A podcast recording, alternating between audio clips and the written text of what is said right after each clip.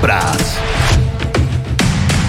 Ja, welkom bij Paddock Praat. Mijn naam is uh, Willems en ik zit hier met Ilko den Boer. En we krijgen straks uh, via Skype gezelschap van Daan Geus in Sao Paulo.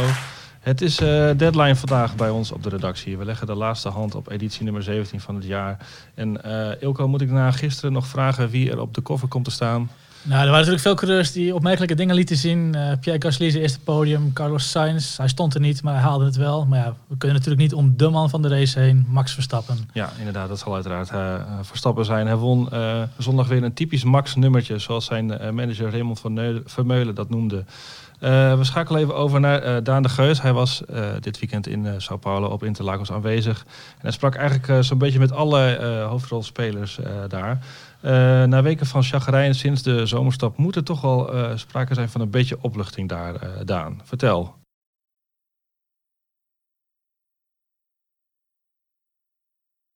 ja, nou ja, de ontlading was inderdaad in ieder geval groot. Um, ja, wat het wel is, zowel Max Verstappen als zijn manager kaarten wel aan van ja, de laatste races was de snelheid er vaak wel, maar ging het telkens net iets niet goed of zat er net iets tegen.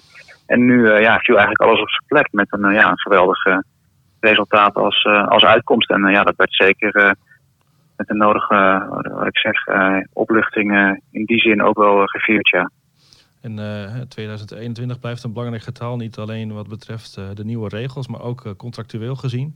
Jij sprak onder andere dus met manager Raymond van Meulen. Wilde hij daar nog iets over kwijt? Ja, nee, daar wilde hij, ja, zoals je wel kan indenken, niet echt iets over kwijt. Behalve dat hij zei van ja, ze hebben continu contact met, met Red Bull, met het team. En zo is dan hij en uiteraard Jos Verstappen, Max, Max vader. En ja, ze houden de vinger heel erg aan de pols. En ik vond het wel een opmerkelijke opmerking van hem. dat ja, natuurlijk is, is er nu de vreugde en wordt dit terecht gevierd. En zien ze hele positieve tekenen met, met Red Bull en Honda. Maar wat Vermeulen ook al aanhaalde, dat was ook iets wat Verstappen eerder in het weekend in interview aanhaalde, is dat ze ook gewoon nu een keer volgend jaar goed willen starten. Vanaf het begin goed bij zitten en dat dan echt structureel vasthouden ook. Ja, en uh, Verbeulen zei ook, uh, als je hem de auto geeft, de juiste auto, dan, uh, dan doet hij dat ook. Wat, wat zei Tanabe erover? Je sprak de, de Honda-baas ook nog even dit weekend. Ja, die was echt, echt lovend over, over Max Verstappen.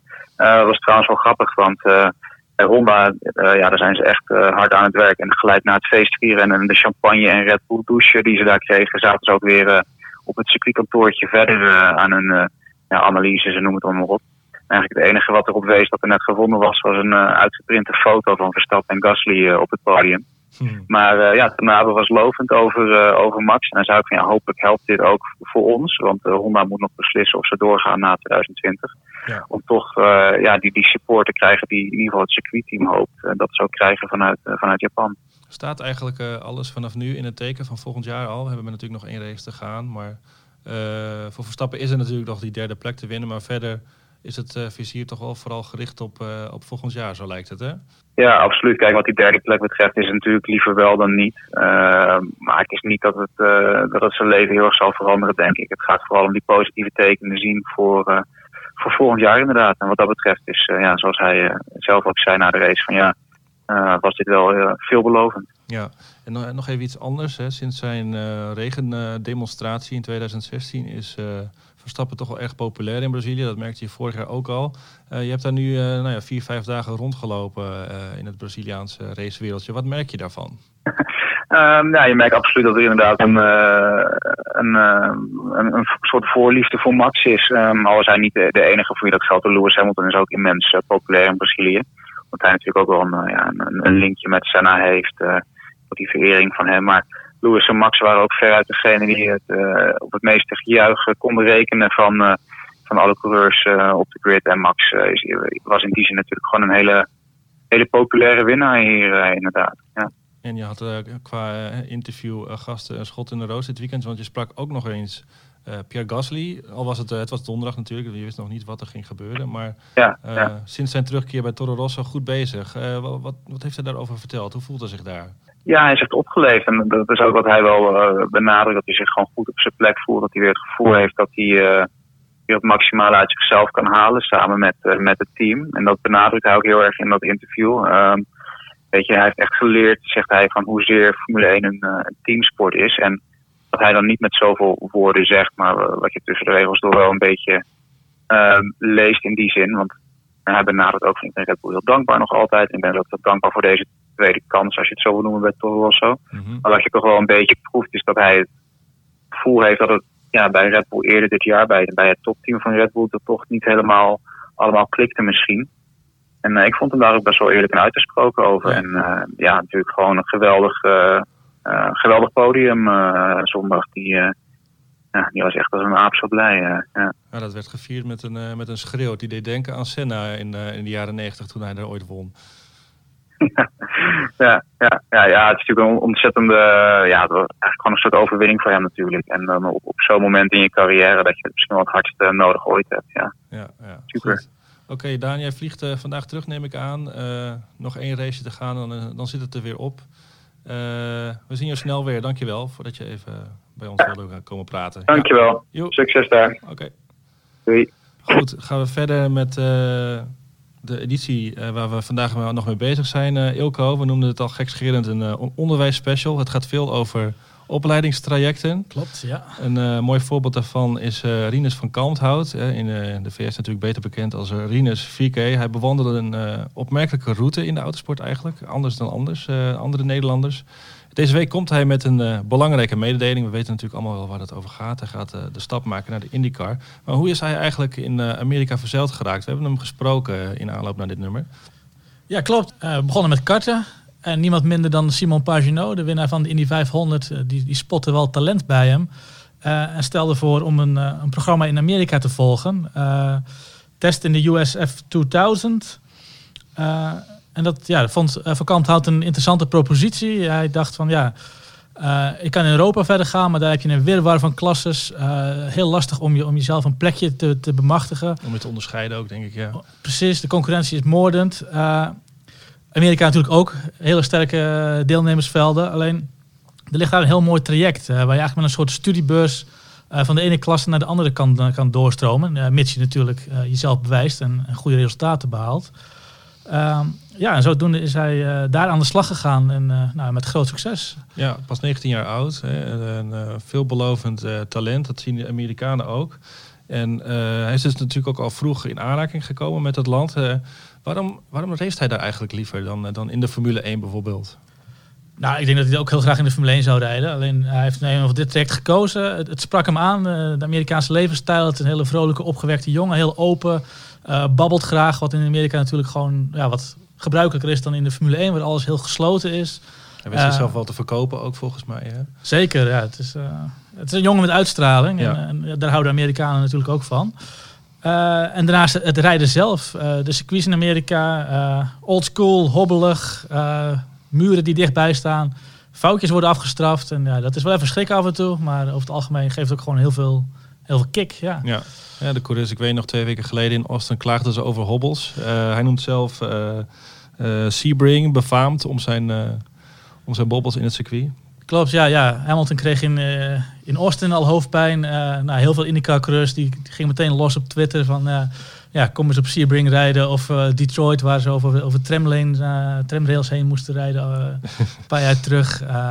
ja, het is daar gewoon veel, veel gebruikelijker. En kunnen iets meer tegen een stootje dan uh, de biljartlakens uh, in de Formule 1. Ja, Rinus 4K. Uh, dat is, hij heet natuurlijk Rinus van Kalmthout. 4K noemen ze hem in, in Amerika. Een journalist begon daarmee. Hij krijgt hulp van een, die andere illustere Nederlander die nou ja, zo'n spoor heeft nagelaten in de IndyCar. Arie Luijendijk. Hoe is die, die band ontstaan? ja, daar zegt hij ook wat over. zeker.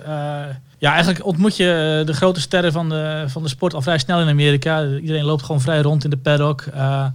Ja, en ja, als er dan een Nederlander langskomt, is dat natuurlijk extra speciaal. Dat vond Luijendijk ook. Die uh, helpt graag uh, coureurs. En zeker als ze uit Nederland komen. Dat heeft hij eerder ook gedaan met, met Doornbos bijvoorbeeld. En, hij is ook vaak aanwezig op, op, de circuits, geloof ik, hè, als steward. Hij is altijd, Klopt, ja. Hij is, hij is erg, nog, erg nauw betrokken bij de IndyCar. Ja, is natuurlijk gewoon één grote legende daar. Hij heeft twee keer de Indy 500 gewonnen. Eh. Ja. Uh, het was nog meer succes dit, uh, dit weekend. Uh, Richard Verschoor daar besteden natuurlijk nog aandacht aan. Hij won in Macau de prestigieuze Grand Prix. Hij Verstappen dus in Brazilië. Jeroen Blekemolen, ja, die man die race elk weekend volgens mij. Maar hij won dit weekend ook. in, in Austin, een 24 uur race. Dat zijn wel eens mindere dagen geweest voor de Nederlandse zeker. autosport. Ja. En nog een ander succesje waar ik zelf dan getuige op was. Het is op, iets kleinere schaal en te lezen in een, in een reportage in het komende nummer. Ik was met collega André Venema in, in op bezoek bij Jacques Villeneuve. Hij heeft namelijk een een, een talentenprogramma opgezet. Hij vindt de huidige programma's van de Formule 1 teams, dat vindt hij maar helemaal niks. Uh, het is gênant, zegt hij. Uh, kart is tegenwoordig zo duur dat geld op jonge leeftijd al een enorme rol speelt. En dat is echt verkeerd. De echte talenten krijgen geen kans zich omhoog te werken. En dus startte hij met een, een groep vrienden feed racing. Een afvalrace waar je voor een nou ja, in verhouding bescheiden bedrag kan meedoen. En waar de klok bepaalt wie er wint. Wij waren bij de finale en uh, dat was wel grappig om te zien ook. Er deed een gamer mee, die had eigenlijk alleen uh, op huurkarts ervaring opgedaan. Er was ook een slager, een hele de snelste slager misschien wel van de wereld. Hij, hij, deed ook mee in de top. wat ook wel grappig was om te zien, hè, Jacques Villeneuve, dat is natuurlijk een beetje een, een iemand die, die nou, graag zijn mening laat horen. Gepeperd. Uh, zij over, uh, over een aantal jongens. Uh, ja, ze, komen, ze komen uit de auto en ze vragen meteen naar data. Ja, data, data, wat moet je nou met data? Wat, wat voel je in de auto? Hij, hij, hij, hij ergert zich aan die, die datamentaliteit onder de huidige coureurs. Ze moeten leren begrijpen hoe een auto werkt, zei hij daarover. Al grappig, grappig inzicht. En we hadden het over Nederlands succes. dat programma werd gewonnen door een Nederlandse winnaar, was het Marijn Kremers, een 21-jarige Brabander in oktober nog wereldkampioen karten. Dus het was niet, niet zomaar iemand, geen, uh, geen slager in dit geval. Een mooi voorbeeld vond ik dat van toewijding. Zijn ouders reizen hem zoveel mogelijk achterna door Europa in een camper. En ze krijgen het nog drukker, want de prijs van deze competitie is een uh, zitje in de Britse F4. Hij mag uh, bij het grote Carlin volgend jaar het hele jaar rijden. die reportage dus in editie nummer 17, komende donderdag, vrijdag in de winkel. wat is nog verder? Eh, wat hebben we nog meer in het blad, Ilko? We hebben onder andere een interview met David Coulthard. Uh, hij heeft een nieuw boek uit. Hij, uh, hij noemt daarin de Formule 1 de Universiteit van het Leven. Ja, wat hij geleerd heeft in de Formule 1, dat heeft hij omgezet in een bestaan als zakenman. En ja, daar heeft hij dus nu zijn, zijn boek over geschreven. en we hebben een portret van onze huisfotograaf, autodidact Peter van Egmond. Al 25 jaar sinds het begin van ons blad eigenlijk betrokken bij het magazine. Uh, en een column van Koen Vergeer, die je nu alvast cadeau krijgt. De uitloopstrook van Koen. Conclusies. Wat een race. Mensen, wat een race. Hoe Max het hele weekend domineerde. Hoe hij Hamilton tot twee keer toepasseerde. En hoe vervolgens de topteams en de twee meervoudige wereldkampioenen er een gigantische puinhoop van maakten. Honda, Honda en McLaren op het podium. Fernando Alonso heeft de rest van de avond op de wc gezeten, met het haakje erop. Maar om de 2019 een gelopen koers is, vraag ik me vooral af, wat zegt deze race over het volgend seizoen?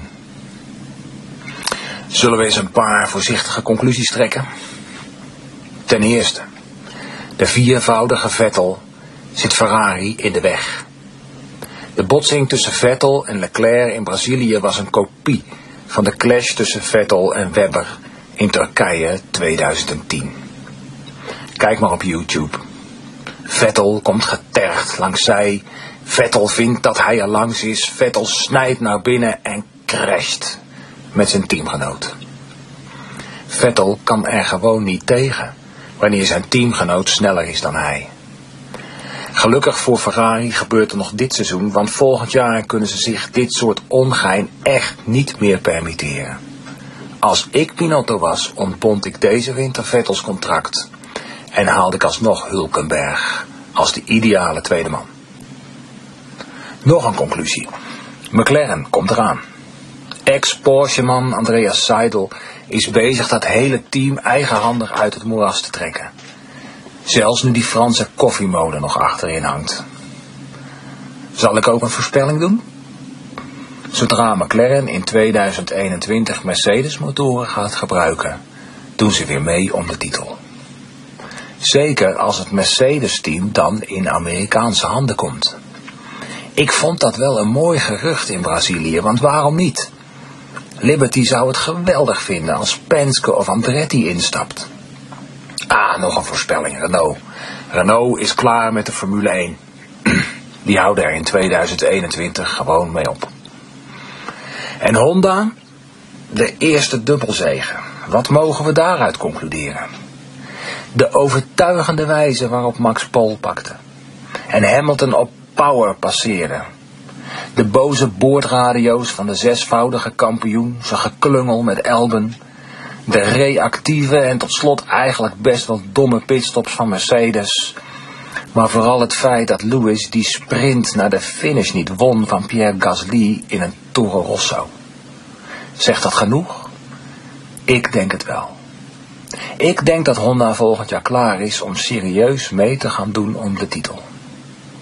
Natuurlijk, ik weet ook wel dat het sterke optreden in Mexico en Brazilië mede te wijten is aan het feit dat er op grote hoogte gereden wordt. Mijn laatste conclusie doe ik dan ook maar in vraagvorm. Is het eigenlijk wel zo handig om in 2020 een Grand Prix te organiseren op zeeniveau? Nou ja, die Grand Prix van Nederland, dat wordt vast een regenrace.